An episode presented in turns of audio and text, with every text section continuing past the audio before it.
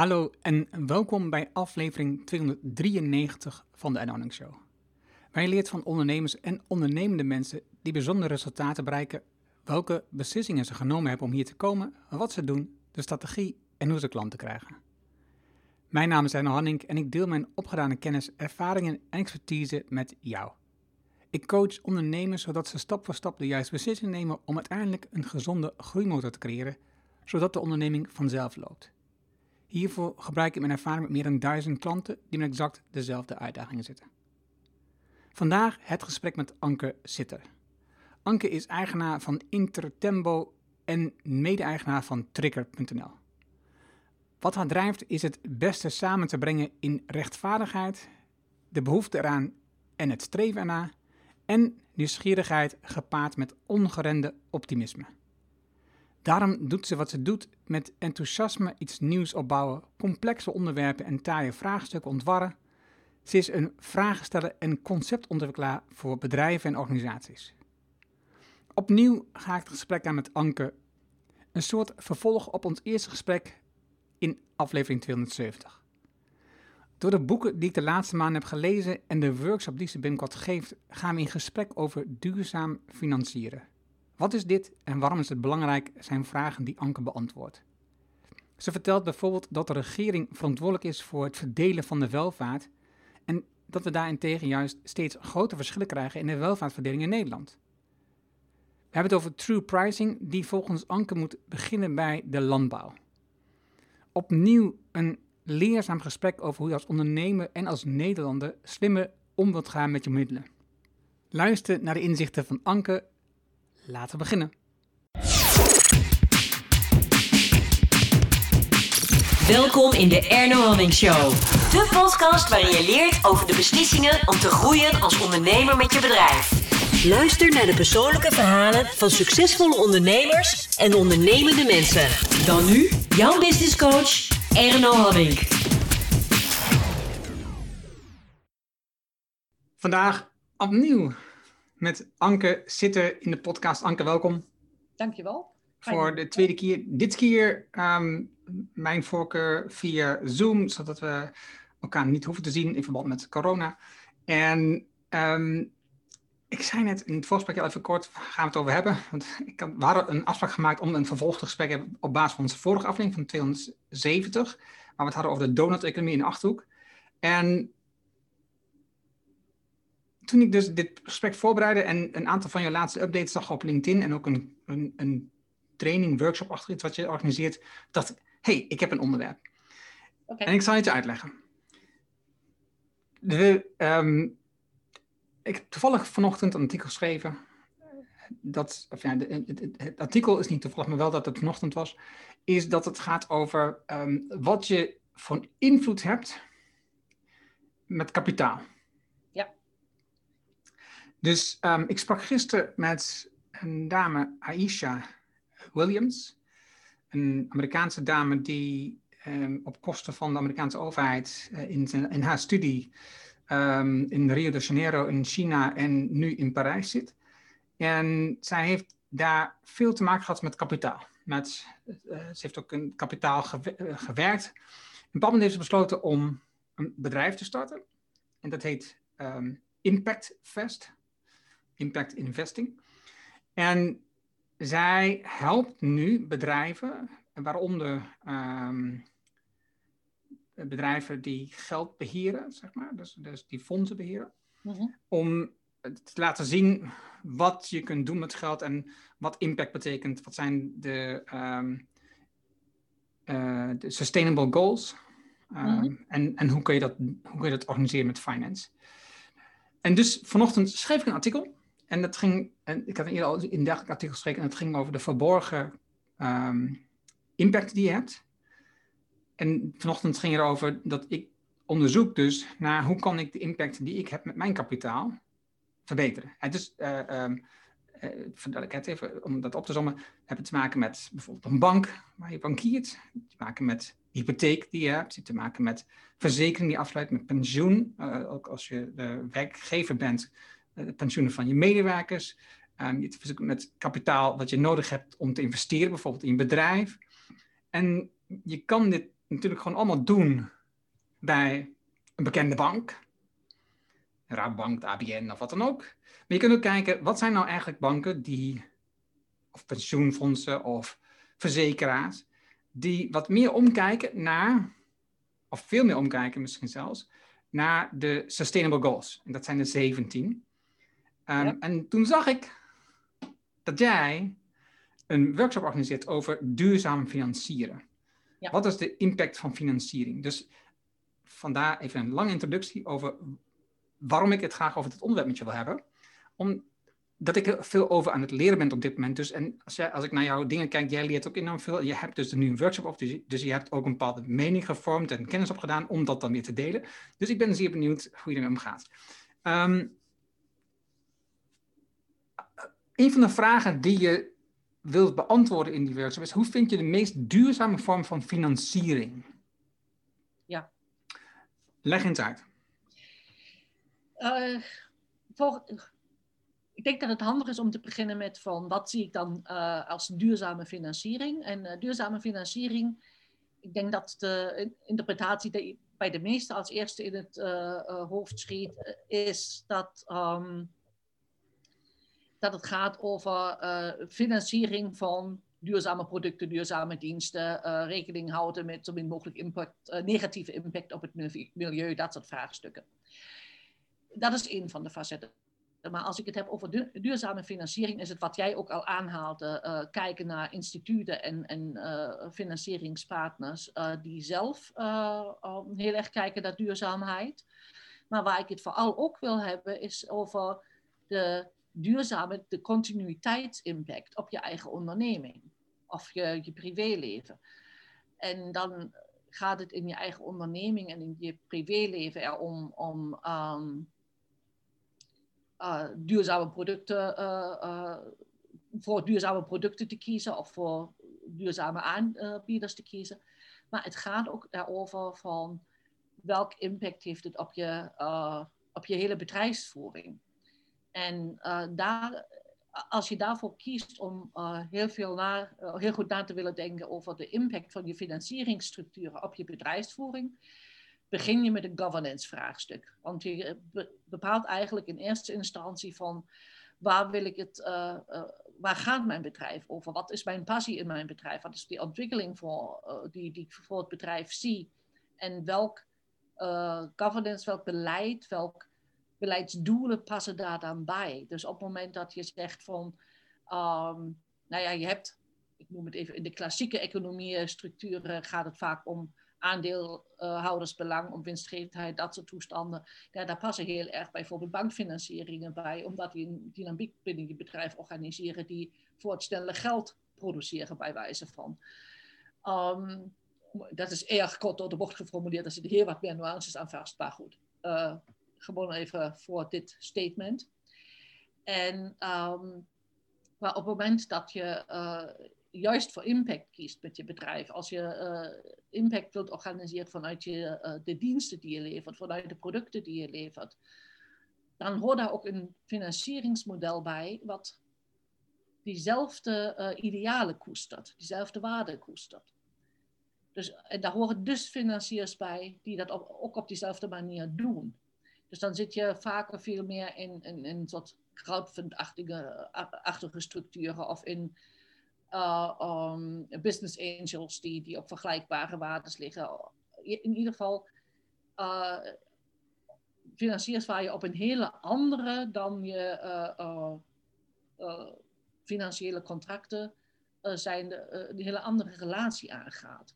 Omdat je relatie begint bij um, bij je idealen, bij de idealen van je bedrijf. En nou eh, ken ik uh, ook wel vanuit de bankwereld, als je het hebt over private bankers en dergelijke, die hebben het ook uh, altijd over wensen en dromen en die hebben het eigenlijk niet over geld. Maar uiteindelijk vanuit, wel geïnteresseerd vanuit de wensen en, en dromen die je hebt, organiseren ze hun eigen diensten erbij. Maar dat zegt nog lang niet dat ze jouw wensen en, en, en dromen delen. En dat ze daar uh, minimaal even hard voor gaan om die dromen waar te maken. Ze zorgen wel voor de financiële structuren daarachter en voor de uh, financieringscapaciteiten. Dus daar zitten heel wat andere nuances in. Dus op het moment dat je het hebt over duurzaam financieren van je bedrijf, is het van ja, welk impact wil ik hebben met mijn bedrijf? En als je het hebt over de sustainable, sustainable Development Goals, kun je natuurlijk ook een bepaalde keuze maken van het is onmogelijk om alle, alle 17 heel erg aan bij te dragen. Dus maak ook natuurlijk een keuze voor in 4 tot 7, weet ik veel, waar je in eerste instantie aan bij wilt dragen.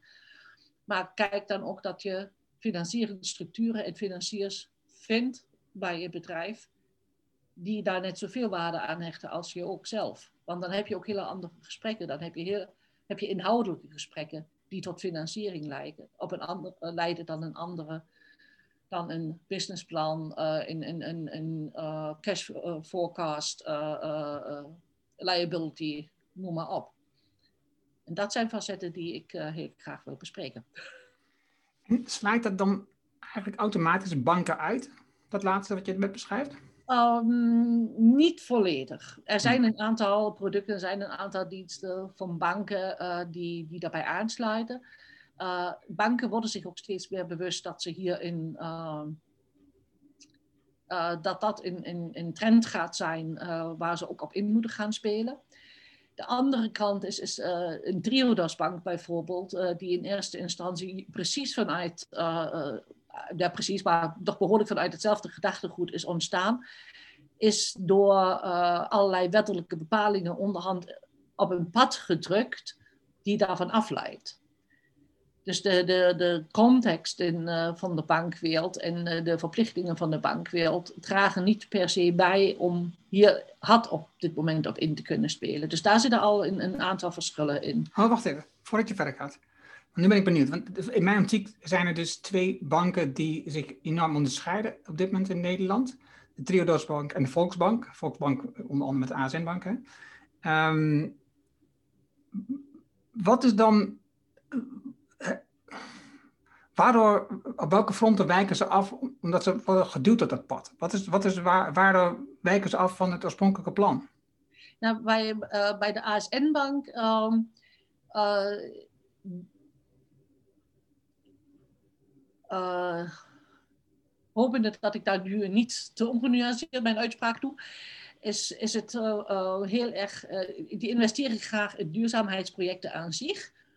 Um, dat is nog iets anders dan investeren of financieel ondersteunen, hoe dan ook, van bedrijven, organisaties die wel een bepaald passie voor bepaalde duurzaamheidsvraagstukken hebben, zonder dat per se uh, hun dienst of product puur, puur duurzaam is. Dus daar, zit, zit eigenlijk, denk ik, nog wel een, iets wat een verschil tussen. En ASN is in mijn beleving wat meer gericht op een negatieve impact beperken. En de, de mate waarop positief impact organiseren door de bank wordt ingezet, Um, nou ja, goed, voor mijn smaak mag het, mag het heel gauw wat meer zijn. Dus dat is dan ook weer relatief. En het is aan de andere kant, het is nog steeds onderdeel van de Volksbank. Als je kijkt naar uh, alle andere structuren die ook onder de Volksbank hangen, als concern zijnde, um, doet ASN wel het bijzonder op een, op een bijzonder traject. Uh, maar het blijft onderdeel van dat concern, met alle impact die het concern heeft. Dus daar zitten ook voor, voor de AS. En dan. Uh, het is geen greenwashing, maar het is wel. Het blijft wel in een, een klein deel in het hele concern wat ASN doet en een positieve impact organiseert. Dus daar zit wel daar zit een aantal uh, verbindingen in de verdere structuren achter, waarvan je ook um, nou ja, in ieder geval over na kan denken, mag denken, moet denken van wat hij daar wel of niet mee wilt. En, um, maar goed, het is in ieder geval een van de, de, een van de twee, zoals je het ook zegt op dit moment. Uh, uh, en Theodos, wat doen zij? Triodos, Triodos is natuurlijk heel erg van, van de uh, antroposofische kant uit ontwikkeld in eerste instantie. Maar zij na um, uh, ja, zeg maar, de laatste tien jaar met een verandering van wetgeving over bepaalde dingen waar ze aan moeten voldoen, zijn ze wel meer naar het standaard bankconcept gedrukt. Dus de, ja, op antroposofische kant hebben ze niet helemaal moeten verlaten, maar het heeft ook niet meer de diepe impact in het bedrijf zoals het oorspronkelijk was opgezet. Um, nou kun je van het antroposofische vinden wat je. daar zitten ook allerlei variaties uh, aan het thema, uiteraard. Um, maar goed, uh, het, het, goed willen doen um, zit dan nog, nog steeds ontzettend in uh, bij de Triodos Bank. En uh, ze kijken ook heel erg naar bepaalde. En ze hebben ook in eerste instantie, in het begin hebben ze bepaalde producten of diensten uitgesloten, wilden ze niet aanbieden, omdat het niet paste in, in, in de oorspronkelijke filosofie. Maar je ziet ze toch steeds meer toch wel ook bankproducten aanbieden, die ze dus in eerste instantie hebben afgewezen. Dus voor jou is het Triodos heeft meer positieve impact dan uh, de ASN vanwege bij de ASN dat er de Volksbank achter zit. Uh, ja, ja, als je het, uh, kijkt naar, naar zeg maar, het geheel van het bedrijf, is dat een van de beelden die ik daarvan, die ik daar, daarvan heb. Oké. Okay. Ik hoorde het toevallig eerder vandaag en ik heb daar niet doorgevraagd, maar ik was er wel benieuwd naar. Um, ik denk ook aan een duurzaam bedrijf. Hè? Dus voor mij want die term heb ik, heb ik ook vastgelegd voor mezelf op mijn site uitgelegd wat ik vind dat een duurzaam bedrijf is. Voor mij betekent een duurzaam bedrijf niet eens direct dat je een duurzaam product maakt. Het is wel logischer. Maar het is veel meer dat je nadenkt over de toekomst van je bedrijf verder dan jezelf. Als ondernemer, als, als founder van het bedrijf. Dus voor mij is het veel meer dat je nadenkt als ondernemer. Wat betekent wat ik nu doe met mijn bedrijf voor de kinderen van mijn kinderen. Zo, schrijf ik, zo heb ik dat opgeschreven. Dus, eh, dus wat ik nu in mijn bedrijf ontwikkel met mensen, met de producten, met de diensten, met afval, met uh, de impact op alle betrokkenen. Uh, wat betekent dat voor de kinderen van mijn kinderen? En dus de, er worden natuurlijk ook op dit moment duurzame producten gemaakt die toch minder duurzaam blijken te zijn op termijn. En hè, dus gisteren was bijvoorbeeld het nieuws dat uh, de bamboe bestek um, toch uh, weer verwijderd moet op dit moment. Het is een product wat heel duurzaam lijkt. Ja. van afstand. Het klinkt heel duurzaam dat je geen plastic product hebt, maar dat je dus. Maar dan, maar dan heb je weer andere issues die naar voren komen. Dus daar ben ik dan ook weer, bijna weer benieuwd naar van uh, waar, waar dat aan opgehangen is. Want uh, daar lopen op dit moment zelfs hele bijzondere projecten op bamboespoor, als je zo wilt omdat het een van de snelst groeiende planten is, uh, groot, uh, waar je hele bossen mee kunt laten ontstaan. die ook nog eens naar verhouding veel CO2 opslokt. Dus er zijn op dit moment projecten om bamboebossen aan te leggen als, als een soort van CO2-containers. Uh, om ze ook dan eigenlijk met 15 jaar het spouwmateriaal te kunnen gaan gebruiken. Dus uh, niet weer te verprijzelen en te verbranden en dan alsnog een CO2 vrij te laten komen, maar om het spouwmateriaal te gebruiken. Zodat je duurzame CO2 opslaat uh, in snel groeiend facet aan, aan, aan natuur toevoegt. natuurlijk is dat monocultuur in, in, in, in brede instantie en heeft vanuit daar weer een impact. Dus ik ben even benieuwd van hoe dat komt dat, uh, dat daar die, die, die, notatie bij is gemaakt. Ja, dit had te maken, kijk, eh, eh, los van dat je het gebruikt als bouwmateriaal, is dat, is dat denk ik geen Wat ik begrepen heb, zo kort, geen probleem. Dit had te maken met het feit dat op het moment dat je er iets heets mee aan toevoegt, in gebruikt, het, dus als je een, een bamboe kopje hebt en dat zit hete vloeistof in, dan komen daar stoffen uit ja. Ehm, die een negatief effect hebben op je gezondheid. Oh, Oké, oké, goed. Dat, ja, precies. Dus, dus uh, in, in, in, uh, een gezondheidsaspect wat met verhitting uh, naar voren komt. Dat snap ik. Oké, goed. Dus, dus nog steeds voor de rest um, genoeg ruimte voor andere bommelprojecten.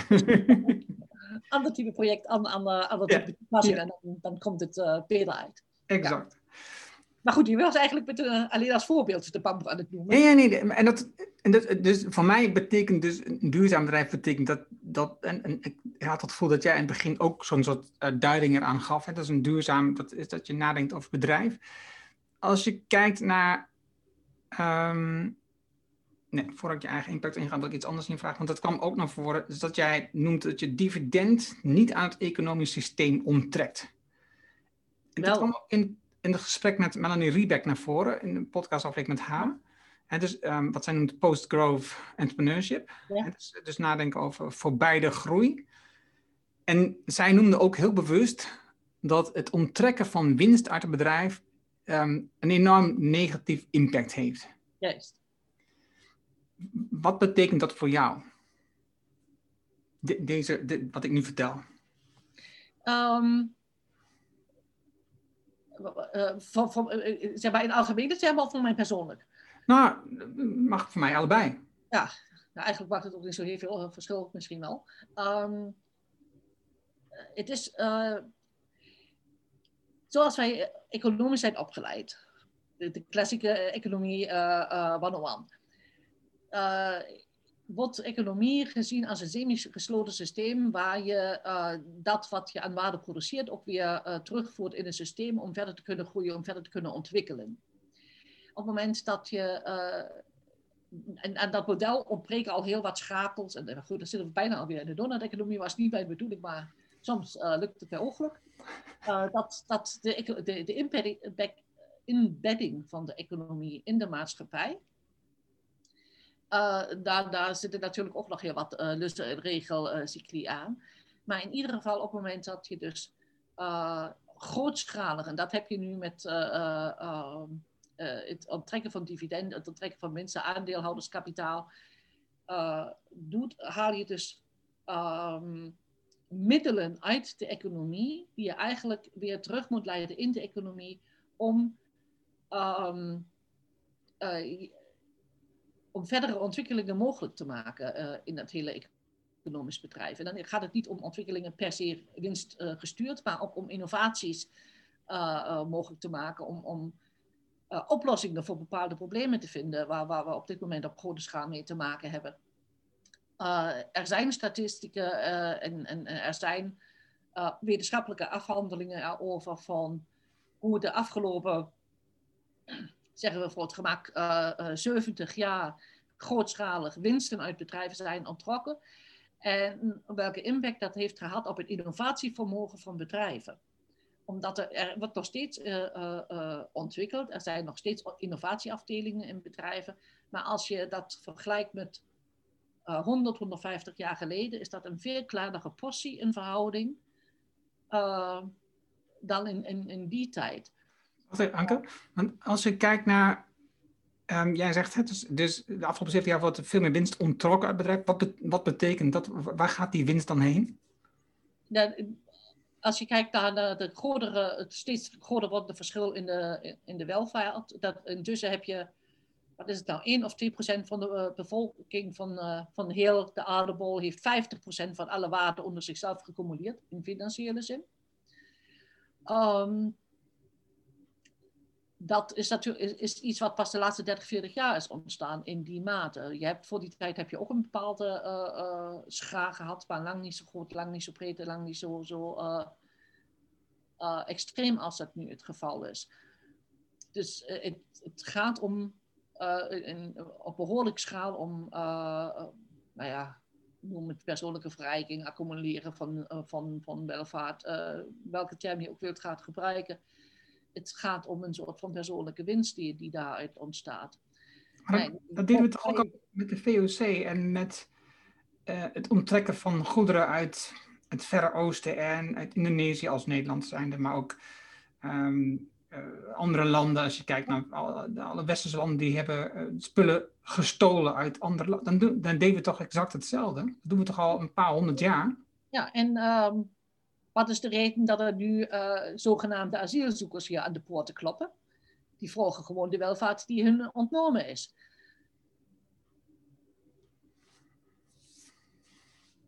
Maar is het dan zoveel erger geworden dan de afgelopen paar jaar, de afgelopen 40 jaar?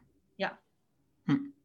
Ja, het is. Uh, um, de, de, de, um, dat vind ik weer een hele boeiende. We hebben dat uh, in het voorgesprek al e heel even over, over uh, democratie en dat soort dingen gehad. Uh, in, de, um, in de grondwet van, van Nederland staat dat de regering als opdracht heeft om welvaart te verdelen. En als je dan kijkt dat productiviteit in Nederland de afgelopen 40 jaar met iets van 60 tot 70 procent heeft toegenomen. En uh, als je de inflatiecorrecties weglaat, de welvaart van de werkende bevolking met nog geen 10% is gegroeid, zie je al dat welvaartverdeling uh, in, in andere extreme vorm heeft gevonden. Ja. En dat is dus echt iets uh, um, wat, wat door sommige economen, macro-economen, economische wetenschappers wordt verbonden aan, aan het wat breder uitvinden van neoliberale principes. Maar goed, dat is iets waar, waar je een ander avondvullprogramma mee ja, kunt zetten.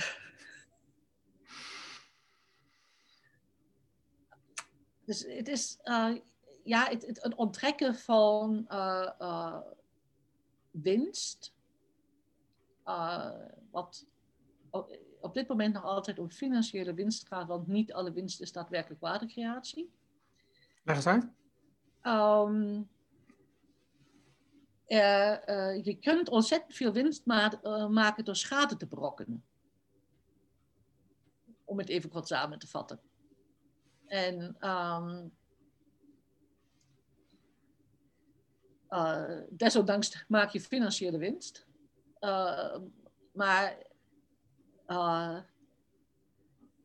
in het beste geval is er geen schade, of ja, is er geen schadebron, is er wel wat waarde ontstaan, is er in ieder geval een soort van neutrale positie geweest, whatever, zijn alle gradaties uh, daarbinnen natuurlijk aanwezig. Maar op het moment dat je het aan dit economisch systeem onttrekt, onttrek je dus ook motorkracht, als je zo wilt, aan het economisch systeem. Ik zat een artikel te lezen in Wired over Mariana Mazzucato. De bekende econoom. Dus, uh, ondertussen is in mijn artikel redelijk bekend het kan zijn dat ik in een bubbel leef waar ze erg bekend is, voor de rest niet zo. Nee, maar goed, Mariona Mazzucato, uh, uh, uh, ik zal de link in de omschrijving van deze podcastaflevering opnemen, dan kun je zelf wat dieper graven. En um, een van, van een paar dingen die zij noemt, onder andere, is het feit natuurlijk dat bedrijven eh, willen veel minder overheidsbemoeienissen, omdat ze vinden dat ze zelf beter innoveren. Um, Terwijl als je, en dat is haar eerste boek ook, als je terugkijkt in de tijd en je ziet bedrijven als Apple, um, in, de, in, de, iPhone zitten vooral innovaties die niet zijn gedaan door Apple, maar door de overheid. Veelal door um, het leger, het, is uh, militaire ontwikkelingen. Ik weet niet of je daar heel erg happy mee moet zijn, maar dat is helemaal zo. En, um, maar ze noemen bijvoorbeeld ook de ontwikkelingen die bijvoorbeeld, hè, toen uh, um, Kennedy heeft gezegd, we gaan naar de maan. daar is zoveel innovatiekracht uitgekomen vanuit het standpunt, vanuit de overheid, dit gaan we realiseren. Daar, heeft, daar zijn bedrijven in mee omhoog geklommen, uh, wat ze in een eentje nooit had, hadden gedaan en ook niet was gelukt. Ja. En um, zij geeft bijvoorbeeld ook repliek op eh, de, de farma-industrie, de farmaceutische industrie, die krijgen ontzettend veel subsidies in Amerika om... Niet alleen daar. Nee, nee, nee maar het artikel gaat over Amerika, voor duidelijkheid. Uh, over, uh, om producten te ontwikkelen, om de mensheid te helpen, om uh, mensen gezonder te maken. Terwijl tegelijkertijd de bedrijven aan de andere kant, als het product eenmaal ontwikkeld is, enorme bedragen vragen voor dat product en daarmee belachelijk grote winst te maken, die weer opnieuw geïnvesteerd worden in economische zin, niet in innovatiezin. Dus aandelen worden opgekocht om, hè, om het bedrijf nog rijker te maken. Um, en dus ja, het is eigenlijk absurd dat je in staat bent om mensen, de burger, meerdere keren um, ja, te laten bloeden voor hetzelfde product, voor de winst van enkele. Ja, ik, uh, ik hoor bij, bij, bij die vervelende uh, typetjes die op het moment dat ze met de collect langs de deur komen voor hartstichting, neerstichting, weet ik veel allemaal, vraagt of ik dan later ook bij de winst van het bedrijf wordt bedeeld.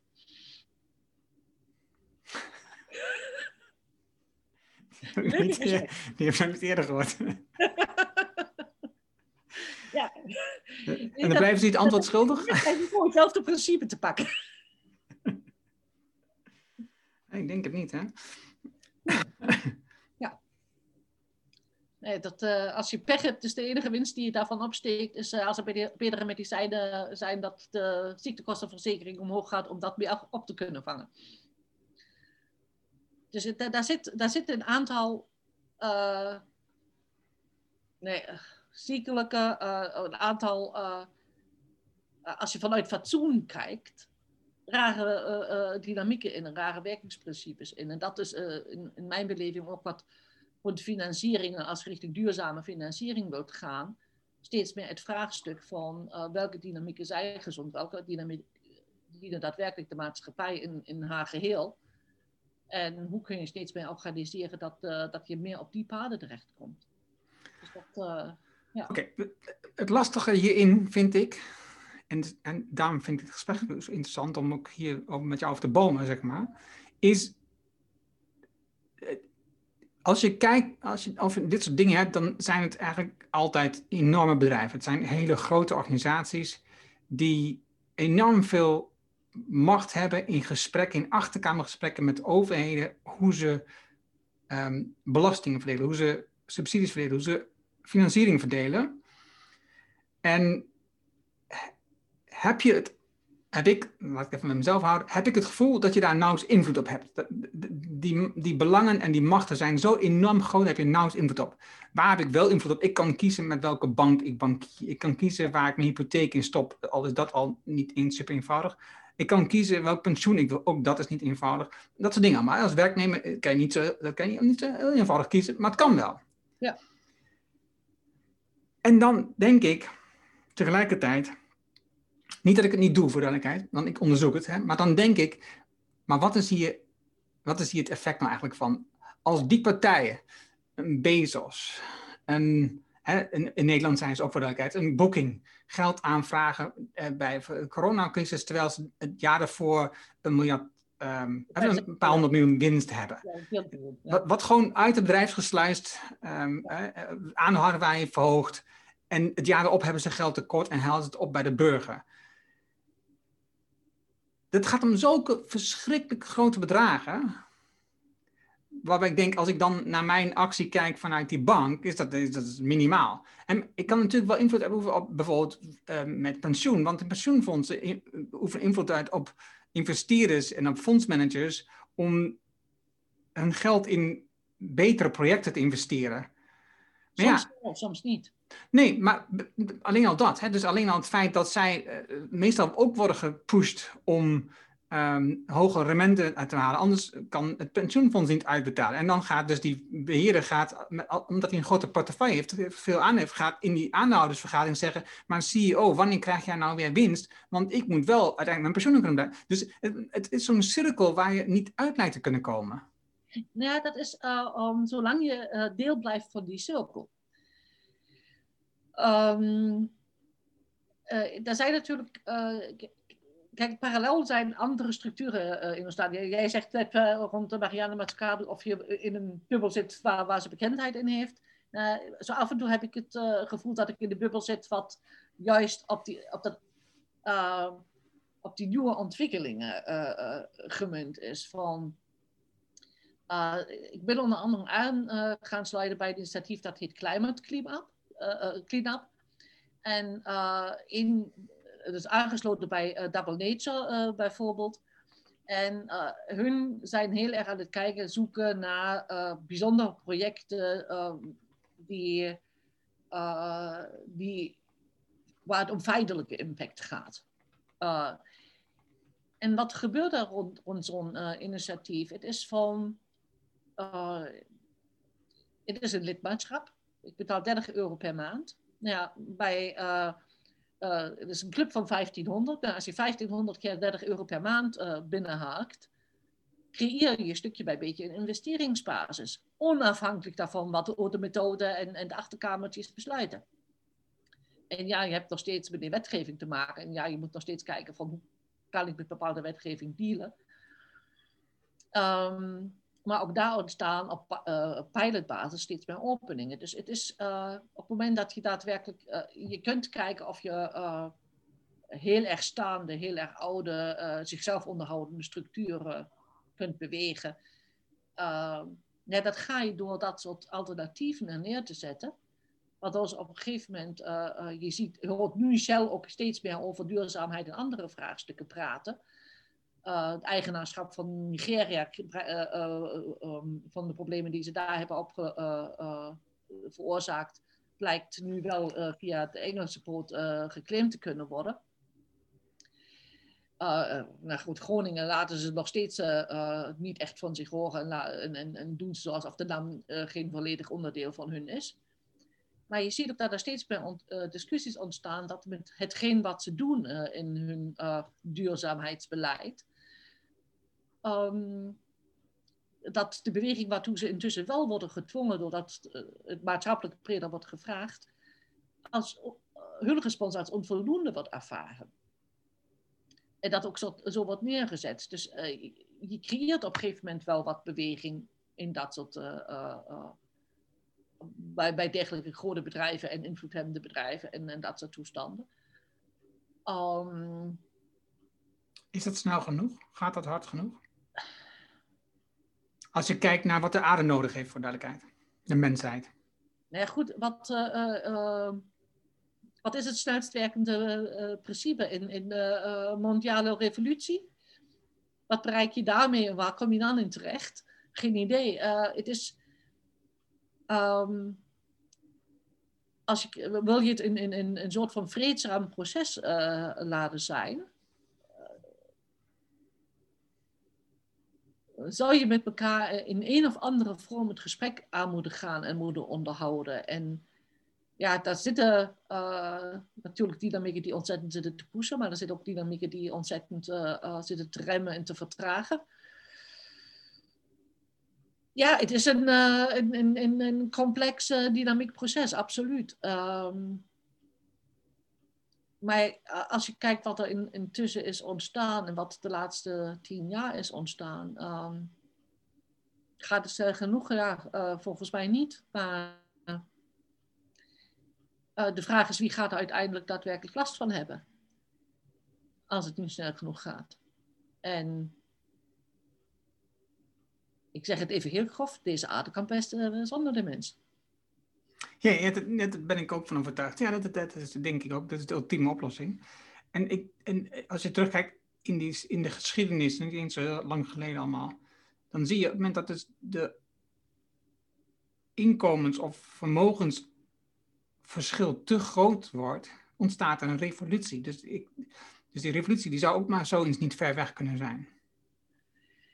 Nee, het is niet helemaal uit te sluiten. En uh, um vooral doordat je het, uh, uh, je hebt natuurlijk uh, de afgelopen eeuwen heb je het nog altijd redelijk lo lokaal iedere keer gehad dat, dat als welvaartsverschillen te groot werden, dat, dat er corrigerend werd opgetreden. Maar ja, je hebt intussen een mondiale beweging en um, ja, dat is een dynamiek die, die je niet werkelijk kunt remmen. En Waar nou uh, maatregelen, dat vind ik dan ook een, een uh, bizar om na te kijken. Maar maatregelen rond COVID nu wel op, bepaalde dynamieken proberen een soort van kunstmatige ruimte te leggen. Maar daar waar behoefte is en waar urgentie is, is creativiteit. Dus dat vind ik ook bijzonder om, om dat te aanschouwen. Wat vind jij van de ontwikkeling van um, de true price? Uh, ik vind het een, uh, eigenlijk bijna een, noodzakelijk uh, gebeuren. Op pas op het moment dat je true pricing, als je, als je negatieve milieu-impact in pricing van, van actuele producten en diensten op moet nemen, opneemt, uh, kom je tot een uh, uh, waardesysteem, boekhoudsysteem, waardesysteem, wat ehm, wat veel beter impact laat zien. Op het moment dat je dat, eh, nu hoeft dat nu wordt regelmatig geroepen, ja, je moet eerst geld verdienen voordat je het in duurzaamheid kunt investeren. Ja, nonsens. Echt finale nonsens, want uh, wat je doet is extra kosten veroorzaken om straks die dat uh, weer op te kunnen ruimen. En er is iedere keer bewezen dat de groeiende welvaart niet is begonnen om op te ruimen. Dus het is, de, de, theorie daarachter is, is bizar en bijzonder, maar per definitie niet werkend. Want dan hadden we dat probleem nu niet. Als je kijkt wat de welvaart nu is ten opzichte van 200 jaar geleden dan uh, zouden we al lang opgeruimd moeten zijn. Wat is het onderwerp waar volgens jou als eerste true pricing wordt toegepast? Landbouw, landbouwproducten. Wat betekent dat? Vooral, welke producten worden veel duurder? Um, of goedkoper? Wat uh, naar mijn inschatting uh, zou zijn um, seizoenale regionale producten het goedkoopst in de true pricing. En alle andere uh, zo in, in aantal keren duurder moeten zijn dan wat ze nu zijn. En dus is dat... betekent trouwens. Nog een keer? Wat, wat aan de andere kant ook betekent dat je in true pricing ook in lonen moet hebben. Mm -hmm. Want een van de redenen dat nu veel dingen zo goedkoop zijn, zit natuurlijk ook in het kunstmatig lonen laag houden. Ja, ik zat te kijken naar het tweetal um, documenteert. Het, het, ene. Ik zat na te denken bij mezelf. Mijn vrouw wilde graag uh, spersieboontjes en ik had die gekocht. En ik zat daar te lezen op het etiket, wat in de supermarkt staat erbij. Deze komt uit Marokko. En toen zat ik na te kijken naar, oké, wat zijn nou de beste groenten? ja, natuurlijk de groenten die in het seizoen zijn, die je lokaal koopt.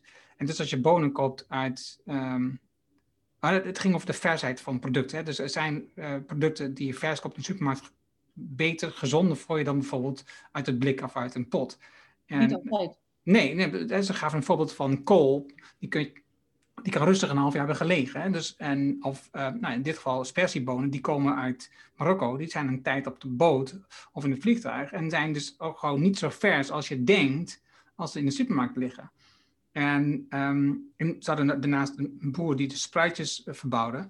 Ja, die komen gewoon vers van het land. En die liggen in de supermarkt, die zijn op dat moment gewoon vers. En dus, dus dat, is, dat is het moment nu om spruitjes te eten. Dus, um, en Um, een ander voorbeeld was een ander documentaire, dat ging over uh, tomaten. Ja. Het is heel veel tomaten worden bedacht in Israël. En da daar ligt daar mm de bron van uh, betere tomaten kweken, tenminste betere in, in, in, in die definitie. Maar een van de ontwikkelingen die is dat de tomaat beter in de winkel kan blijven liggen, lang in de winkel kan blijven liggen. En dat die als die dus uh, getransporteerd wordt, niet zo snel um, kapot raakt. Hè? Dus een tomaat kun je gewoon van een afstand laten vallen op de grond en dan gaat hij niet stuk. Dat is, dat is gewoon een ontwikkeling in een tomaat, dat is niet van nature zo. In het raam liggen gebeurt niks. Gestold groot water. Nou, dus, um, en die, die, die zaden voor die producten, die worden dus zo gemaakt. Ten eerste dat je ze maar eenmaal kunt gebruiken. Want ja, op als je weer zou gebruiken, die tomaten, dan hebben ze niet dezelfde kwaliteit. Dus je moet telkens nieuwe zaden kopen. Dus het is heel slim bedacht door die, um, door die maatschappijen. Er zijn zo'n zes van dit maatschappijen in de wereld. En het tweede is, de zaden worden dus gekweekt in um, Pakistan, India, uh, dat soort landen. En dus onder, onder omstandigheden die we hier in Nederland zelf niet zouden waarderen, die, niet, die we niet goed zouden vinden. En dus kinderen en uh, vooral vrouwen worden aan het werk gezet, want vrouwen kun je minder betalen dan mannen. Um, onder, onder het minimumloon. Um, er zijn dus zo ontzettend veel aspecten. En dus ik ben blij dat je het zegt. Dat de voedings. Dus, en, want ik denk gelijk aan vlees als eerste. Maar jij pakt juist bewust landbouw. En het, is, dus het is, daarom ben ik blij dat, dat het zo naar voren komt. Dat er zoveel aspecten in zitten waarvan je denkt. Jezus, hoe is dit mogelijk? Hè? Dus zo'n zo Monsanto, of nou, ja, dus een van die zes partijen op de wereld, die vragen gewoon 40.000 tot 240.000 euro per kilo aan zaden, afhankelijk van welke tomaat het is. Dat is alleen tomaten voor duidelijkheid. Terwijl die mensen daar, die krijgen iets van um, 120 euro volgens mij per kilo. Hm. Terwijl als ze ehm 160 euro zouden krijgen, zouden ze zelf, die vrouwen, ook gewoon het minimumloon kunnen uitbetalen. Minimumloon. Dagins. 2 euro per dag voor duidelijkheid. En dus, Ja. dus nog totaal niet waar, we, waar we een eerlijkheid in zit. Ja, dat is eh, als je kijkt naar eh, eh, landbouwrapporten en dan ga je naar Nigeria, naar Ghana, Kenia en spijtig nog sinds kort ook Oeganda. Dan zie je dat da- daar heeft onder andere Monsanto, nou ja, goed, is een van de bekendere namen op dat terrein, zich ontzettend naar binnen gewurmd via regeringsbeleid. Ehm, juist op het terrein met eh, zaden waarvan ze zeggen van die geven een hogere productie, dus die geven, geven meer kans op inkomen voor de eh, verarmde bevolking. Ehm, dus het is beter voor, voor, eh, eh, voor de economische ontwikkeling van het land. Waar nu, waar, bij de landen die daar vroegtijdig op in waren gestoken, 15 jaar geleden, 20 jaar geleden, intussen bewezen is dat ze 40% onder het productieniveau lagen van voor die tijd, liggen nu. En waar ze op, ik weet niet meer van de, de, hoeveel duurder ze waren vanwege de zaden, maar niet alleen de zaden, want de zaden zijn dus maar eenmalig te gebruiken, zoals je al vertelt. Maar eh, deze zaden doen het ook alleen als je de juiste eh, eh, meststoffen, kunstmeststoffen en andere dingen daarbij gebruikt, waarmee je vruchtbare bodem helemaal eh, eh, ehm, eh, negatief beïnvloedt. Dus al die facetten maken dat deze landen eh, ehm, daar steeds meer problemen van ondervinden, maar ook niet meer uit die sleur eruit komen, niet meer makkelijk uit die sleur eruit komen. En eh, ik zeg van ja, Oeganda heeft dus pas volgens mij twee jaar geleden besloten, eh, ondanks dat andere landen daaromheen al weten wat de effecten zijn, alsnog op dat spoor te gaan. En dan gaat het zelfs nog naar eh, geen gemodificeerde planten en dat soort toestanden. Dus helemaal een drama. Ehm, ja, en dat is dus dat van. En, nou, als je dan wilt hebben over duurzaamheid, kleine duurzaamheid en, en het gemak. eh, als je een land naar Nederland, waar, eh, welk percentage van eh, de bewoners wonen in, gewoon in gezinswoningen met een tuin daarbij? Nou, ik denk dat in Afrika niemand zou bedenken om sierplanten op zo'n kunst, op zo'n groeibare, vruchtbare bodem te zetten. Als je al begint met kleinschalig kweken van, van wat fruit en wat groente in je eigen tuin en dat gewoon seizonaal volgt, krijg je ook alweer een hele andere relatie met die producten die daarbij horen. Organiseer je voor jezelf, trekt een stuk minder negatieve impact op het milieu. En als je dan ook nog oplet eh, dat je eh, F1-generaties eh, zaden koopt, dus herbruikbare zaden, planten waar, waar je gewoon van het fruit zelf weer zaden kunt maken, dan ben je helemaal in een betere cirkel bezig. Dus het is, ehm, eh, dat is juist bij, bij eh, landbouw, eh, ja, of, waar beginnen we in godsnaam? Eh, er zijn zoveel studies over dat eh, juist met de industrialisering de mensen eh, onthechten van de bodem, naar de stad halen, naar de industrie halen. Ehm, dat daarmee ook heel veel eh, sociale en mentale problemen verbonden zijn. Die, die aardverbondenheid is eigenlijk deel van ons biosysteem. En hoe meer we dat loslaten, hoe problematischer het voor onszelf wordt. Dus naarmate je probeert kleine stapjes daar ook weer die kant op te krijgen, kant op te gaan en voor jezelf weer een stuk meer aan verbondenheid te organiseren, hoe beter dat uh, meer simpel voor jezelf is en uiteindelijk ook voor heel het milieu. Um, dus daar zitten wat dingen in, maar ook die, die grootschaligheid van, uh, van de landbouw. Het is in, in Nederland heeft tot, nou ja, wat zou ik zeggen? Ja, daar zit je ook weer rond, rond de Tweede Wereldoorlog een beetje. Um, waren er redelijk wat gebieden waar vooral kleinschalige landbouw uh, uh, werd gebruikt. En toen werd, was veehouderij ondersteunend aan de akkerbouw. Want je had mest van het vee nodig om de akkerbouw, uh, de bodem vruchtbaar te houden. Maar pas met invoer van ja, afbouw van het aandachtboerderijen, van groter maken van boerderijen, door naar industriële landbouw te gaan, is dus de akkerbouw eigenlijk dienend geworden aan de veehouderij. Er kwam steeds veel veehouderij bij. En ja, goed, daarvan zie je nu allerlei effecten. Dus op het moment dat je dat soort dingen weer meer in balans brengt, Want intussen weten we dat we daar betere balans in moeten vinden. Dan is het een kwestie van binnen kenniseconomie, neem dan nog kennis van je kennis en doe daar iets mee in je economie. Zet het weer om en zoek trajecten die, daar, die het voor iedereen weer leuker maken. En dan wordt welvaart en welzijn komen weer dichter bij elkaar.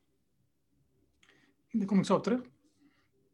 Die, eh, eh, ik heb ook hier een paar bakken in de tuin staan nu en ik wil dat uitbreiden. Dus een discussie met mijn vrouw uiteraard over de mooiheid van de tuin. Maar het is wel, het is wel echt gewoon een pleerwerk om.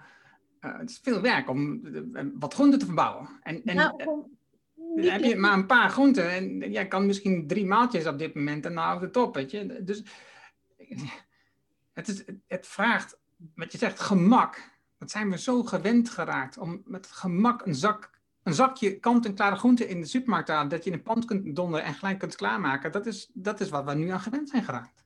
Ja, het is, kijk, eh, ik heb ook wat pakken in de achtertuin. Ik hoef met niemand te discussiëren. Dat scheurt misschien af en toe een keer. Maar ehm, ik probeer daar, daarmee ook steeds meer richting een permacultuur te gaan. We zijn in de klassieke moestuin zijn we gewend, uh, zijn we ook de monocultuurgedachte aan het toepassen, hebben we geleerd. Dus uh, één plotje met de ene groentesoort, een ander plotje met een andere groentesoort. En dan altijd alles vrijschaffelen van onkruid vrijhouden enzovoorts. Maar op het moment dat je bepaalde planten combineert, dat je bodembedekkers met andere planten combineert, en dat je ze eigenlijk permanent toch groeien. Ik ben nu nog, nu nog steeds, haal ik dagelijks sla uh, uit de tuin. En uh, haal ik daar zo eens per week ongeveer nog steeds de spinazie uit de tuin. Dus ik, ik heb hem nog niet helemaal op het niveau waar ik hem zou willen hebben. Maar op het moment dat je ook daar weer meer ruimte geeft aan natuur, dat je meer planten door elkaar zet, wordt het optisch heel wat mooier dan al die rechterijen die uh, opgeschoond zijn. En het uh, helpt de planten zelf ook verder. En je kunt veel meer oogsten. En het is, er staan ook, zitten weer combinaties in waar je uh, ook het hele fruitgebeuren. Ik heb, ja, natuurlijk heb ik dat stuk met, met fruit veel meer als een siertuin aangelegd, qua layout. Um, maar het is wel eetbaar. een mooi onderwerp. Dit is zoveel dingen. Ja, toen kom je van duurzaam financieren naar. Even nee, ja, dat is waar ik op gericht dat dit gesprek gewoon opnieuw super interessant zou zijn. En um, als je kijkt naar. Want jij noemde het net, hè, dus de, de Tweede Wereldoorlog, en dat was een vraag die me, op die me binnenschoot, was. Hè, dus, daar werd dus de, de veehouderij was dienend aan de akkerbouw. Hè, dus je had de, de mest nodig van de dieren om uh, de groente te groeien. Is dit, is dit werkelijk zo? Als je nu kijkt naar je eigen tuin, heb je werkelijk mest nodig om groenten te verbouwen? Um, uh, ja, je, je, moet altijd weer. Kijk, de, de, um, uh, de planten onttrekken voedingsstoffen aan de bodem. En je zou op een gegeven moment, als je die bodem blijft hergebruiken, zou je hoe dan ook weer voedingsstoffen toe moeten voegen. Nee, ik gebruik geen kunstmest of dergelijke in mijn tuin. Um, ik ben met het composteren nog niet zo ver dat ik mijn eigen compost uh, kan gebruiken. Dat, dat, uh, dat, is wel, dat zijn de volgende stappen nu voor mij. Uh, dus dan op het moment dat ik ieder jaar een laag nieuwe compost overheen leg, voeg, ik weer voedingsstoffen toe. En dat bij het maken van de compost, ja, ik maak onderscheid tussen afval en planten, wat ik als voedingsstoffen terug wil zien in de tuin en wat ik niet terug wil zien. En dat gaat gewoon de groene container in. Mag dan even in een heftiger uh, composteerproces uh, ondergaan dan uh, wat bij mij even in de achtertuin mogelijk is. Maar je moet wel weer voedingsstoffen toevoegen. Maar dat kan op allerlei verschillende manieren. Het hoeft geen kunstmest te zijn. Het hoeft geen, weet het, je hoeft geen industriële kalk toe te voegen aan, aan planten die dat nodig hebben. Nee. Oké, okay. andere vraag die me ook binnen schoot. De, de, de, de eierschaaltjes sparen en... ja, ja, ja, ja. ja? Nu, je bent ondernemer. Yes. Ze zeggen van wel. Ja, nee, ik weet het zeker. Um, en is dus, dit soort dingen is dus een afweging. Want het, zeg maar, bezig zijn met je tijd, met je tuin, hè, met compostering, met uh, groenten verbouwen, met je, met je fruit, dat, dat, dat kost tijd en energie. Diezelfde tijd en energie kun je niet stoppen in je bedrijf als ondernemer.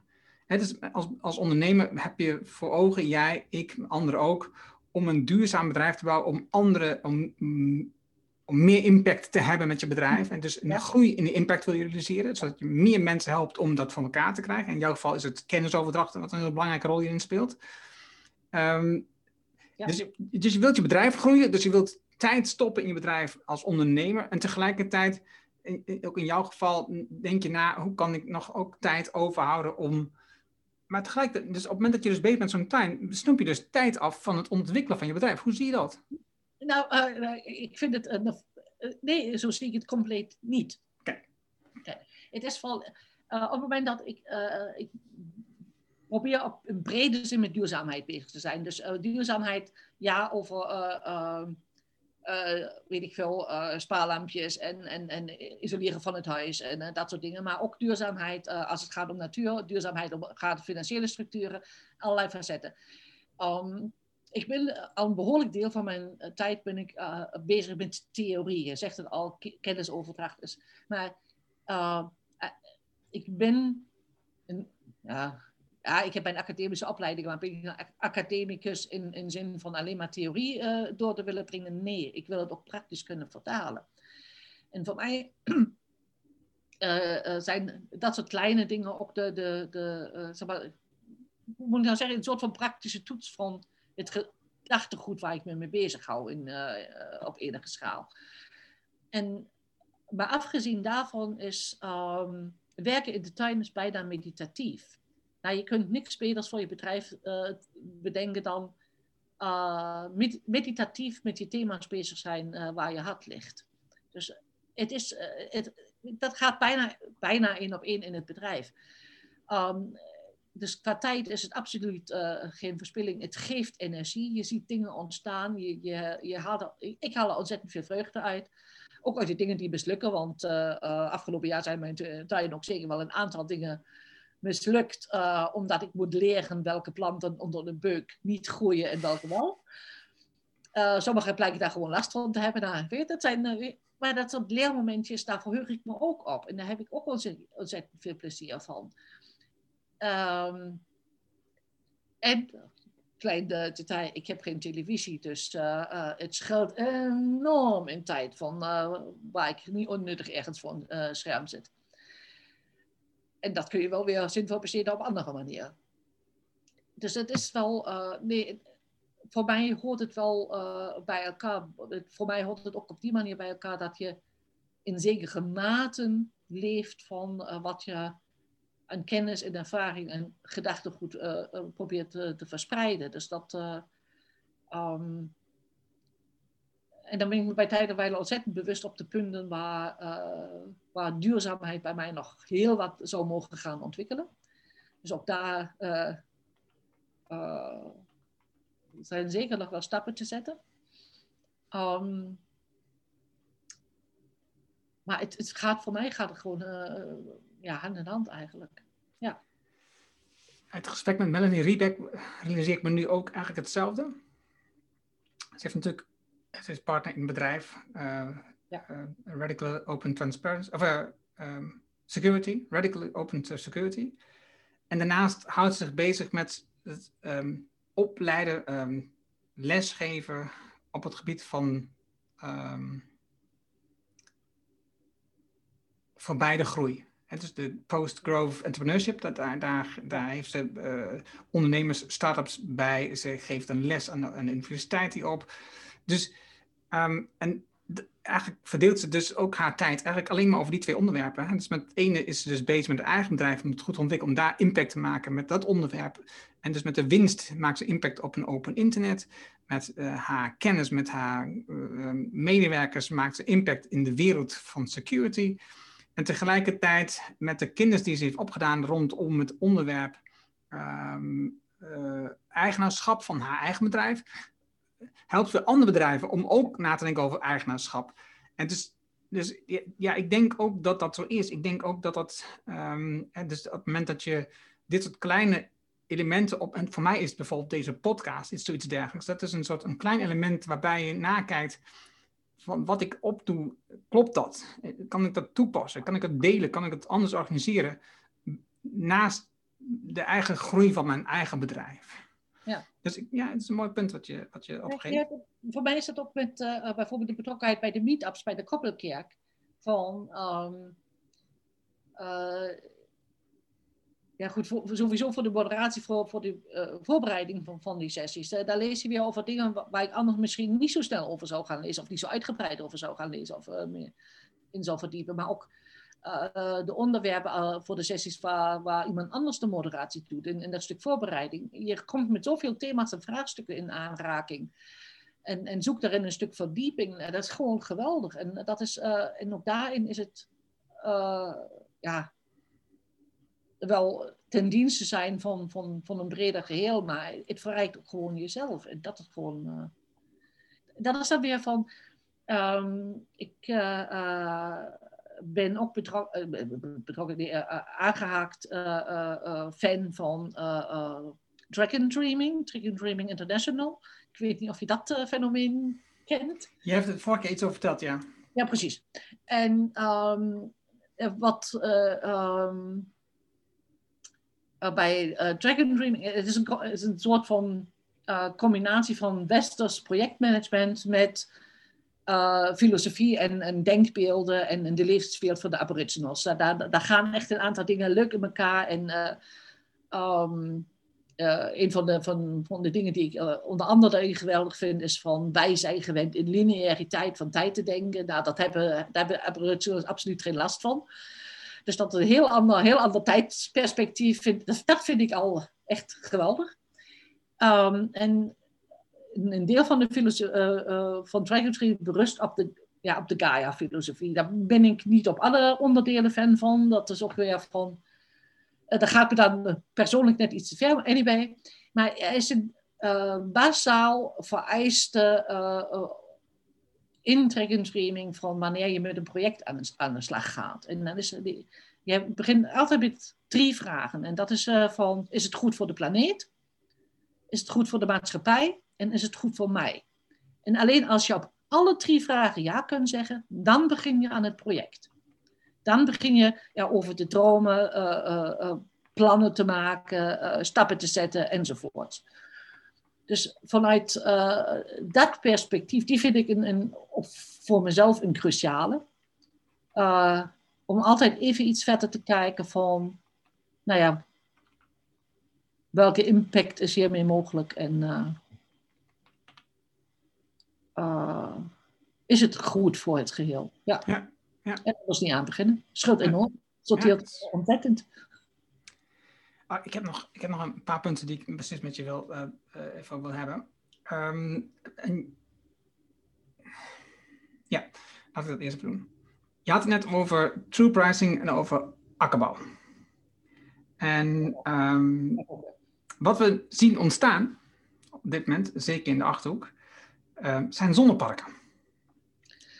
Parken met zonnepanelen op ehm, landbouwgrond. St- Sterker nog, een, ehm, in, Ja. in onze familie, de familie van mijn vrouw, is een boer die is hier gestopt. Omdat hij niet te weinig grond, omdat een buurman zijn grond heeft verkocht aan een projectontwikkelaar voor een zonnepark. Ja. Nu kan hij, nu heeft hij te weinig grond om eh, de mest uit te rijden. En hij, heeft- ze, ze gaan immigreren naar ehm, Canada. Ze waren in het programma ehm, van ehm, eh, de, de boer die vertrekt, of weet ik veel wat. In ieder geval eh, Ja. dit soort dingen. En, ehm, en je, ziet, je, je ziet hier ook in de regio, je ziet spandoeken van boeren die oproepen tegen hè, dit soort dingen. Eh, Wij maken de natuur. Ehm, je ziet de zonnepark zie je in Zelm uit mijn hoofd. Even snel. Wat is jouw visie? Want dat de boer de natuur maakt, daar heb ik ook mijn eh, bedenkingen bij. Maar goed, wat is, wat is jouw eh, visie hierop? Nou, het is, ehm, eh, ik denk, punt één, eh, eh, dat landbouw, of je dan akkerbouw veeteelt hebt, is eigenlijk een beetje om het even voor het gemak. Dat dat ontzettend impact op de natuur heeft, hoef je niet over te discussiëren. Helder. Dat, naar mijn beleving, alle boeren eh, eh, ook natuurbeheer onder contract hebben, waardoor ze dus sloten, singles, ehm, houtwallen, andere dingen in de natuur beheren, is ook een gegeven. Want het is een essentieel onderdeel van hun inkomen, de, de, gemeentelijke of provinciale vergoedingen voor dat stuk natuuronderhoud te krijgen. Dus ja, boeren maken natuur. Naast wat we net al benoemden. Dat is een feit. Ehm, en dat wordt zwaar onderschat, wat, uh, wat door boeren op dat vlak wordt gedaan. Uh, doodzonde. Ehm, dus als je de volgende keer ergens in een in, uh, akkerrand met bloemen ziet, denk daar even aan terug.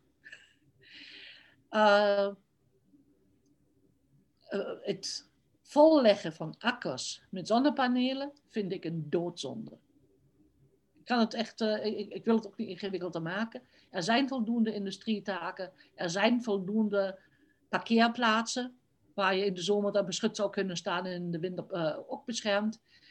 Um, gebruik dat soort, uh, en waar je misschien met elektrische auto's misschien ook nog rechtstreeks afnemers hebt, gebruik dat soort oppervlaktes.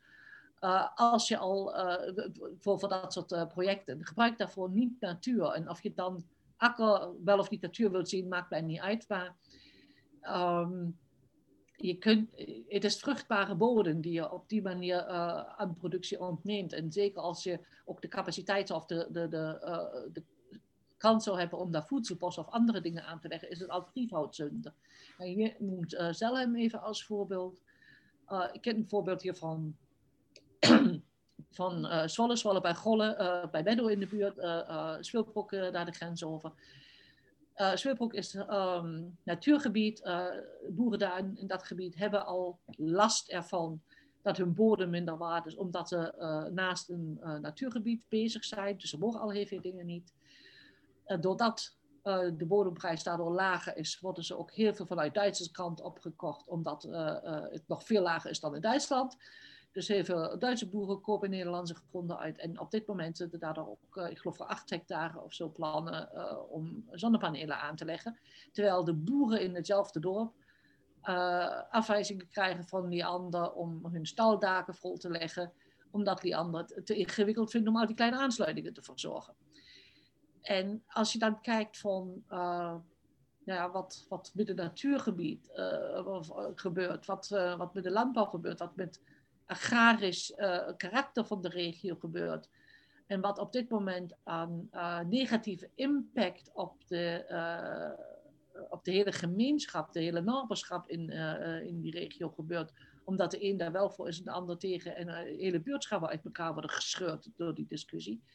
Het is gewoon heel raar. En groen is groen, of het nou akker is of niet, het is groen.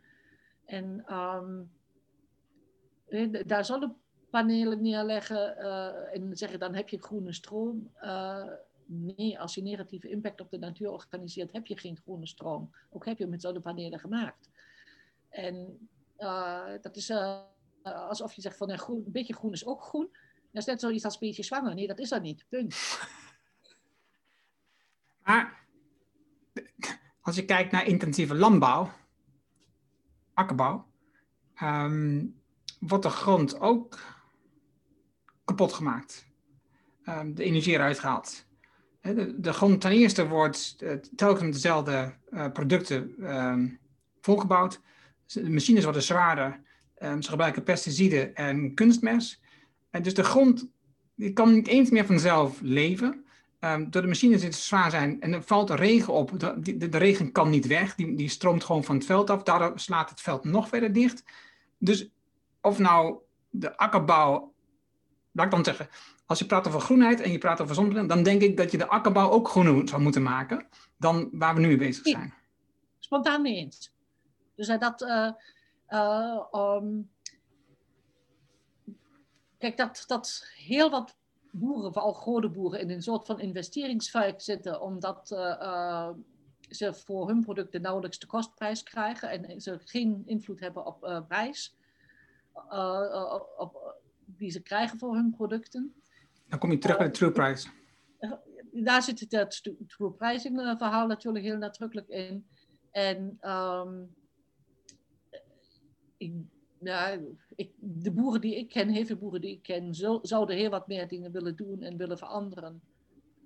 als hun niet het waarde altijd aan de lip stond. En dat is wat, wat we met ons allen zelf organiseren. Zolang wij niet bereid zijn om meer te betalen voor, voor ons voedsel. Uh, en Nederland is een van de landen waar uh, het deel van het inkomen wat besteed wordt aan voedsel meer het laagst is. In heel veel landen ligt dat stukken uh, hoger dan in Nederland.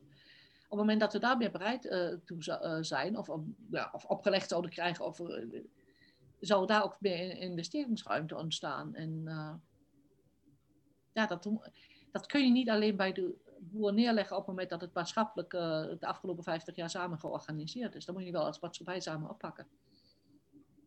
Oké. Om uh, afrondend nog iets te bespreken. Ehm, Mag ik nog één puntje over verzekeringen erin gooien? Heel even. Tuurlijk. Want daar hadden we het ook nog even over. Van, uh, Klopt. De verzekering en, en, uh, en ook pensioen is eigenlijk pensioen is ook een soort verzekering, maakt niet uit van uh, waar we het over hebben. Maar uh, die zijn bijna allemaal zitten ze in, in die investeringsfout om voldoende rendement uh, binnen te haken, zodat het interessant wordt. Oftewel, verzekeringen spelen gewoon met het geld wat hij daar aanbiedt en maken vooral in business vanuit angst. mag je ook een, een, een keer, daar mag je ook, zou je ook iets van kunnen vinden wat ehm, de moraal daarachter is.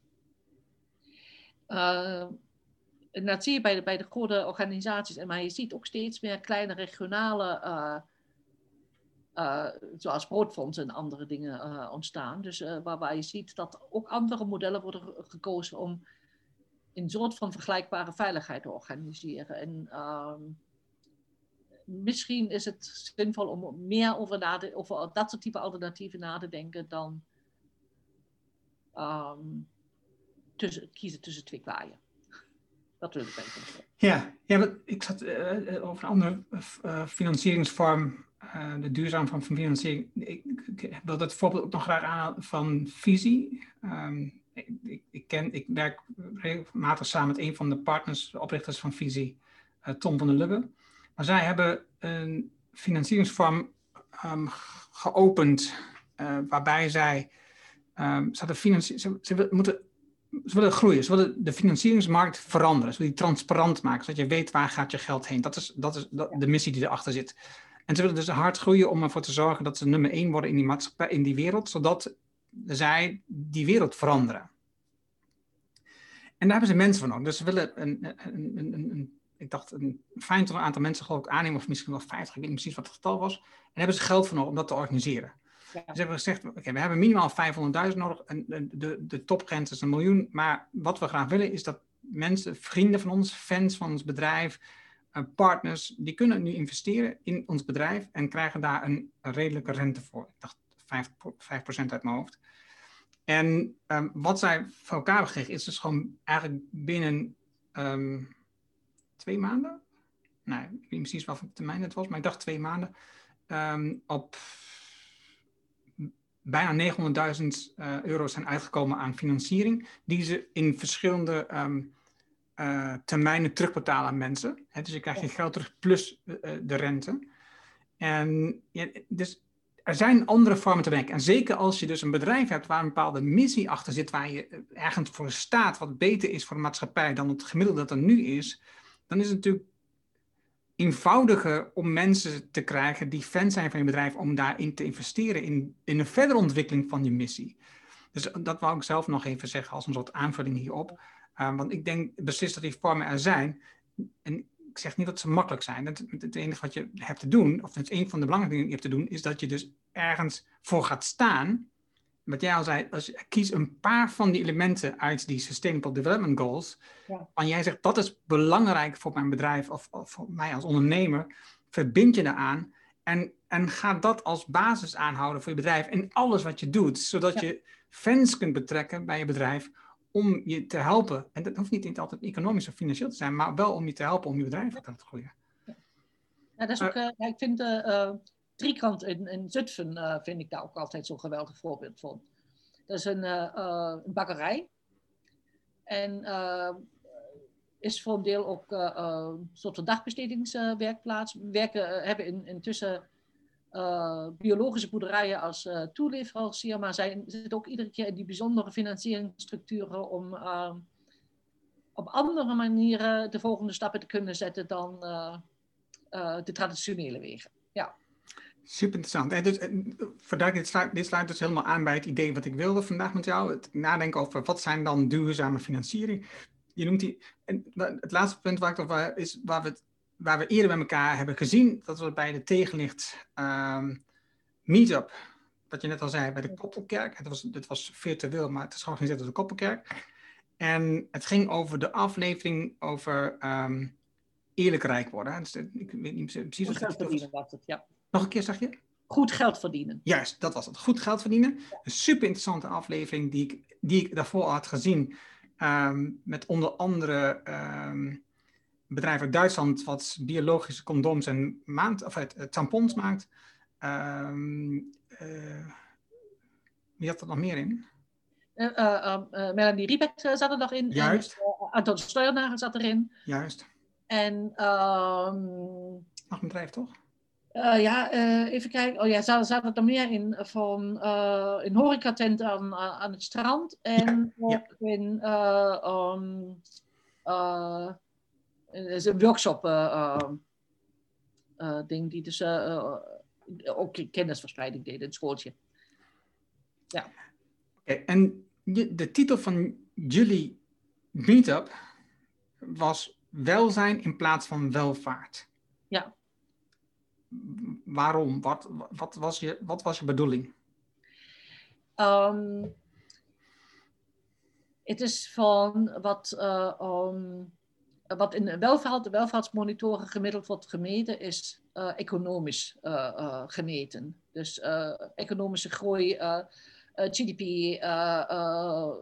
omzet, bestedingen per hoofd, dat soort toestanden.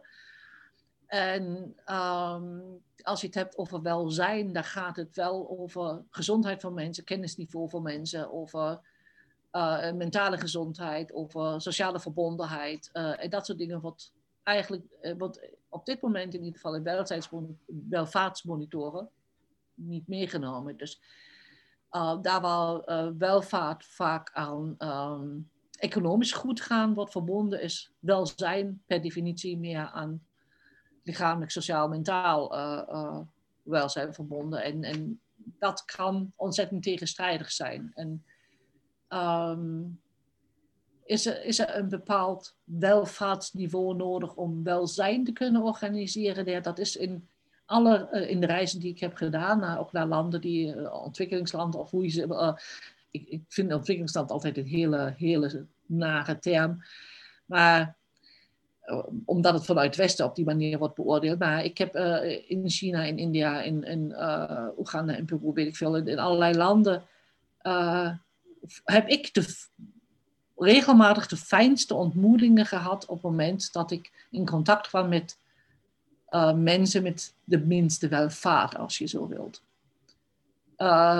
de puurheid van, van het contact, de vriendelijkheid, de openheid, de bereidheid om te delen. Uh, uh, zowel in uh, wat belangrijk is voor hun, als ook in de plek en eten en uh, alle dingen die ze eigenlijk bijna niet hadden.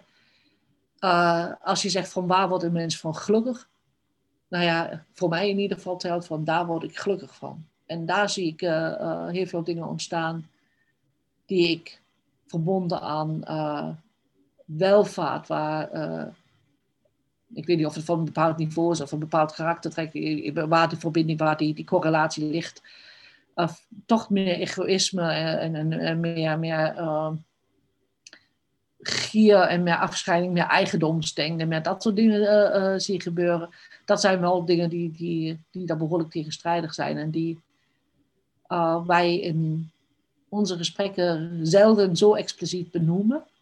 Dan kom je weer bij dat soort van welvaart versus welzijn, eh, dat soort uh, bijna containerbegrippen uit. Maar die wel als extra laag eronder liggen. En waar we het in mijn beleving ook alleen veranderingen gaan bereiken als we het daar vaker expliciet over gaan hebben. Want uh, zolang we alleen bij het topje van de ijsberg blijven en maar niet onder de waterspiegel kijken, missen we ontzettend veel wat uh, cruciaal en, en kausaal is voor alles wat gebeurt.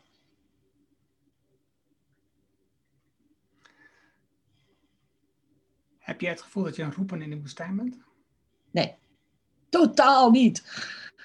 Ik vraag me af of ik uh, in een, uh, ja, um, waar de grens van de bubbel is, laat het zo zeggen. ja, nee, dat, nee, dat, dat, nee, absoluut niet. Nee. Helemaal zo. Oké, ik heb nog... Dat gevoel soms. Zag je? Heb jij dat gevoel dan? Uh, oh nee, nee dat, ik, ik ben onderzoekende. En ik denk dat ik impact heb met de klanten die ik help met mijn coaching. Um, en daarnaast bewustzijn verspreid door dit soort gesprekken en door erover te schrijven over de dingen die ik tegenkom. Um, maar ik kan me heel goed voorstellen dat als je, eh, als je kijkt naar het economisch systeem, het kapitalisme, um, dat, dat, is, dat is zo doordrenkt in alles, dat het natuurlijk best ingewikkeld is om dat te doorbreken, om daar, om daar gaatjes in te vinden, om daar ruimte te creëren voor de donut-economie of andere vormen. Ja, ja, het is, ja, kijk, als je kijkt van hoe vaak uh, intussen over purpose-economie, betekenis-economie, sociale economie, uh, uh, dat soort begrippen, dat, dat zit heel veel verwevenheid in. die ene legt een beetje meer nadruk op bepaalde facetten dan de ander. het is wel, ik heb het gevoel dat het een, groeiend iets is. En um, dat wordt misschien wel ook mee beïnvloed doordat je door de dingen die je zelf doet ook uh, weer in contact, contact komt met uh, uh, gelijkgestemden of mensen met ver, vergelijkbare passies of zo. Mhm. Maar um, als ik naar het nieuws kijk en als ik daarna zie, zie je, en dat vind ik, dat vind ik ook indrukwekkend, zie ik steeds vaker bepaalde begrippen uh, uit dat soort nieuwe type economieën, als je het wilt, uh, in de standaard kapitalistische teksten terugkomen. En dus um, je, je, ziet een soort van besef dat er, dat er wel wat beweging nodig is. En soms worden begrippen omarmd en op een manier geïnterpreteerd die bijna aan verkrachting lijkt. maar waar, waar je denkt van, nou in ieder geval is er een erkenning dat, dat, dat, dat er iets mee moet dat, dat vind ik al een hele fijne eerste, eerste stap. Van, uh, dat, dat men probeert taalgebruik uh, te nivelleren. En daarmee heb je ook het risico dat wat dynamiek uit, uit de nieuwe ontwikkelingen zouden kunnen gaan, doordat talen, de begrippen vervlakken en, en, en meer tot containerbegrippen raken. Maar het geeft wel een ontwikkeling. Anke, dankjewel opnieuw voor jouw inzichten en je ideeën en uh, de tijd voor mij om te leren van jou weer. Uh, ik vond het een super dankbaar onderwerp waar we zijn ingeschoten. Uh, er is enorm veel aan gekoppeld. Ehm, maar ik denk dat nadenken als ondernemer, als oprichter van een bedrijf, als burger, een enorme bijdrage heeft en een veel grotere bijdrage heeft dan je waarschijnlijk nu zelf realiseert als je daar nog niet actief mee bezig bent. En dus hopelijk hebben we daar een paar mensen uh, mee geholpen om erover na te denken. Dat is altijd wat ik wens met mijn afleveringen, is dat een, als ik maar één iemand een aha-erlevenis kan geven om na te denken, hey, dit is iets waar ik mijn slag wil, dit is iets waar ik, wat ik verder onderzoeken, dit is iets waar ik verdieping zoek. Dat, dat is wat ik wil bereiken. En ja, als het één, uh, één aflevering heeft en de ander heeft er twee, dan, dan groeit het langzaam aan. Dat is ook naar kijken. Dankjewel, Anke. Nou, uh, heel graag gedaan. En uh, dankjewel voor je vragen, want dat geeft ook weer stof tot nadenken. En um, vanuit track and training, aha-momenten moet men delen. Dan hebben ze meer waarde. Dat was het gave en interessante gesprek met Anke. Je vindt de namen en links die we noemden in het artikel dat bij deze uitzending hoort. Ga daarvoor naar ernohanning.nl slash show 293. Wil je vanzelf de volgende aflevering in deze podcast op jouw telefoon? Dat is heel eenvoudig. Heb je een iPhone, dan zit daar standaard de Apple Podcast app op. Open die app, klik op het vergrootglas en zoek naar de Ernohanning Show. Klik dan op abonneer en vanaf dat moment krijg je hem vanzelf. Heb je een Android-telefoon, werkt ook gewoon. Installeer dan eerst de Player FM app bijvoorbeeld. Open die app, zoek de aanhouding zo op en klik op abonneer. Heb je vragen, opmerkingen, reacties over deze aflevering met Anke of over de podcast in het algemeen? Stuur mij dan een e-mail op podcast.ernhoning.nl. Ik hoor heel graag van jou. Wil je leren hoe je meer uit je team haalt door meer aan ze over te laten? Wil je leren welke hardnekkige gewoontes je tegenhouden om te groeien? Wil je weten wat het juiste moment is voor een beslissing? Vraag dan het boek Beter Beslissingen voor een Beter Team aan op ernhorning.nl. Dit is mijn nieuwste boek en daarom download je het nu helemaal gratis. Je hebt zelfs geen e-mailadres nodig. Er is ook een Kindle en EPUB versie. Wil je de papieren versie van dit boek? Dat kan ook. Je betaalt dan alleen de verzendkosten. Mijn nieuwste boek is altijd gratis. Vraag het daarom nu aan. Je vraagt jouw boek aan op ernhorning.nl en ja, ik weet je hebt een drukke agenda. Je leest het in één avond tijd. Dankjewel voor het luisteren en graag tot de volgende. Dankjewel voor het luisteren naar de Erno Hanning Show op ernohanning.nl.